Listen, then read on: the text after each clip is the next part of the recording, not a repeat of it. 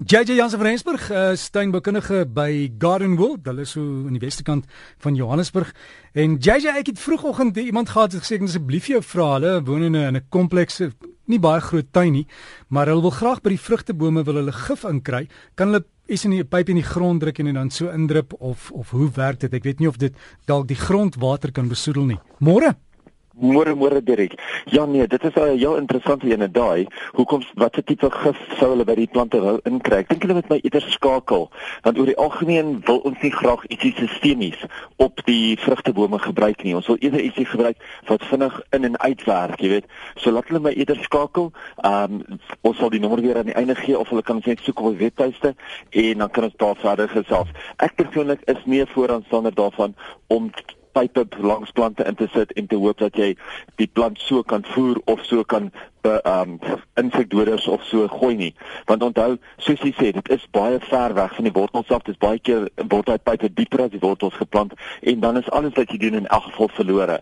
So doen dit eerder op die regte manier en dan weet jy dat hy sal werk. So jy sê ja, die beste is ook met enige middels is lees die aanwysings. Mense doen dit nie. Nou as jy nie meer mooi kan sien nie, koop jy 'n groot glas want daai goed is so klein gedruk, maar volg dit en as hulle sê soveel, onthou dit is getoets. En as daar gif gespuit word en die wind waai klein bietjie, onthou beskermende klere drag maar altyd en ook vir jou werkers, want baie mense vergeet. Ja nee, definitief ek wens ek dink baie mense wens dat hulle dit aanwysings gehad om kinders groot te maak en ook om huwelik te red. ja, dan dan sê jy het 'n nommer 3 kind en dan kan jy hulle volgens daai boekie groot maak. As dit maar net so was, JJ. ja nee, definitief. Maar in elk geval, kort gesels verder. En nogal heel interessant hoe baie mense nou skielik na al hierdie uh, reën wat ons gekry het in die Hoëveld, my skakels my sê JJ het onkruide wat oral opkom. Wat kan ek spuit om my onkruide in die beddings dood te maak? Nou ongelukkig is daar nie so iets wat jy die onkruide net eenvoudig kan spuit om in beddings dood gemaak dus te maak dat hy nie die plante gaan doodmaak nie. Mens moet seker maak dat 'n onkruiddoder wat jy spuit, gaan of jou breë blare doodmaak of jou smal blare doodmaak. So of hy gaan alles wat breë blare is doodmaak al jou onkruide en plante of hy gaan smaldware doodmaak al jou verskillende grasse. So uh, ongelukkig vir daai ene moet 'n mens maar hande arbeid gebruik en kyk of jy dit so kan van van dit ontsla raak veral nou voordat hulle begin saad skiet. Baie van die bedings kan 'n mens nou al begin voorberei vir jou wintersaailing en ook vir jou winterbolle. Jy weet eintlik op hierdie stadium plant die heel eerste bolle wat gaan uitkom, gaan so plus plus minus oor 2 of 3 weke gereed wees en dit gaan jou somerbolle of jou jou inheemse bolle wees oor die algemeen en dit is jou winterbolle. Ons kyk hierso na jou Ixias, ons kyk na jou Spiraxis, selfs van die Renonkels gaan dan ook al beskikbaar wees. En watter area het ons nodig? Lekker sonnige area, baie goed gedreineerde grond, lekker baie kompos inwerk. Maak seker dat dit nie 'n grond is wat water terughou en die bolle gaan laat vrot nie. So as jy 'n paar beddings het wat bietjie begin oes lyk na al die reëte wat ons gehad het en na die droogte wat ons gehad het, onthou bolle het nie so baie water nodig nie en as 'n mens inheemse bolle plant, dan gaan jy ook jaar na jaar baie mooi blomme van hulle af kan kry. So maak jouself gereed daarvoor. Heel interessant is ook nou weer dat 'n mens deesdae baie alwurms kry. Nou, hoe weet jy as jy alwurms in jou tuin het? As jy jou saailinge uithaal en jy sien daar's verskriklik baie knoppe op die wortels, dan weet jy dit is gewoonlik alwurms. Dit is nematodes wat die plante aanval. Nou alwurms as jy mens op 'n groot plot bly, ja, dan kan 'n mens doders kry, berokingsmiddels kry waarmee dit behandel kan word. Maar vir ons as tuiniers, die beste en maklikste manier is om gewone eenvoudige afrikanertjies te vat, dit in daai beddings of te plant of net die ou afrikaners van die res van die tuin te vat en dit in daai bedding in te spit. Onthou, die Afrikaners maak die nematodes dood, hy maak die alwurm dood en dan sal jy baie minder probleme verder hê. Een van die dae gaan ons ook natuurlik ons wintersaailinge kan begin saad, begin saai en daar is geweldig baie wat 'n mens van saad af kan kweek.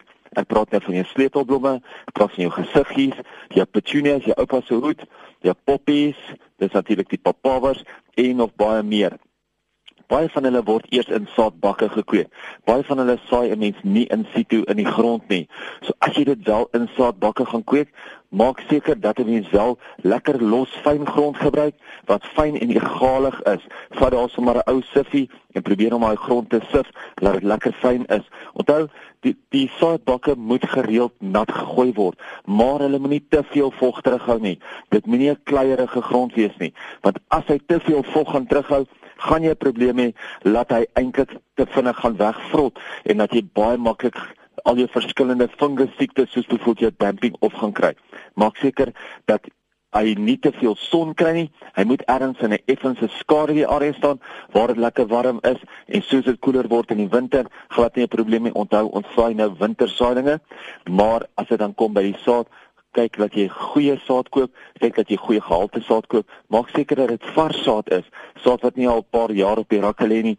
Maak seker dat die saad wat jy saai, egalig gesaai word. Moenie probeer om dit in hope hope bymekaar te saai nie. As dit 'n baie fyn saadjie is, meng dit eerder met ietsie van dieselfde grootte. Al is dit nou suiker, al is dit nou mieliemeel, al is dit iets van daai aard, dat mense kan sien waar jy gesaai.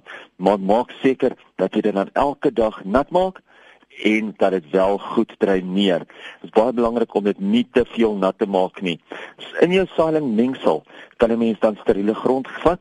Nou kry mense steriel, baie van ons sit dit sommer in 'n mikrogolfoond, dan steriliseer jy hom so. Dit is dan nou gesifte boergrond. Jy kan 'n bietjie sand daarbey gooi vir dreinering. Jy kan effens kompos bysit wat net vir daai sponsagtigheid gaan gee, saam met 'n bietjie veen en vermiculiet. As jy mens al daai bymekaar meng, kan jy vir jouself 'n pragtige saailing mengsel maak en dan kan jy jou eie saad saai in saaibakke ergens in die tuin. Erik, dit is dit vir hierdie week. Ons ons weer volgende week. Ja, Jason, onthou as jy daai daai grond in die mikrogolf sit, uh, moet dit nou nie oordoen nie, né? nee asseblief nie.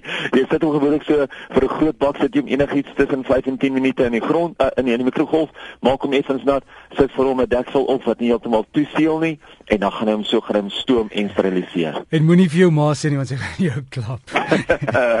Definitief. JJ, alles van die beste en geniet gou julle webtuiste as mense inligting wil kry. Dan sê hulle is welkom. Kan loer by www.gardenworld.co.za.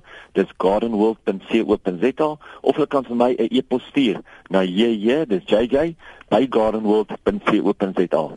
So gesels JJ Jans van Rensburg van Gardenworld. Hy webtuiste is gardenworld.co.za en JJ is jj by gardenworld.co.za. Lekker tuin maak.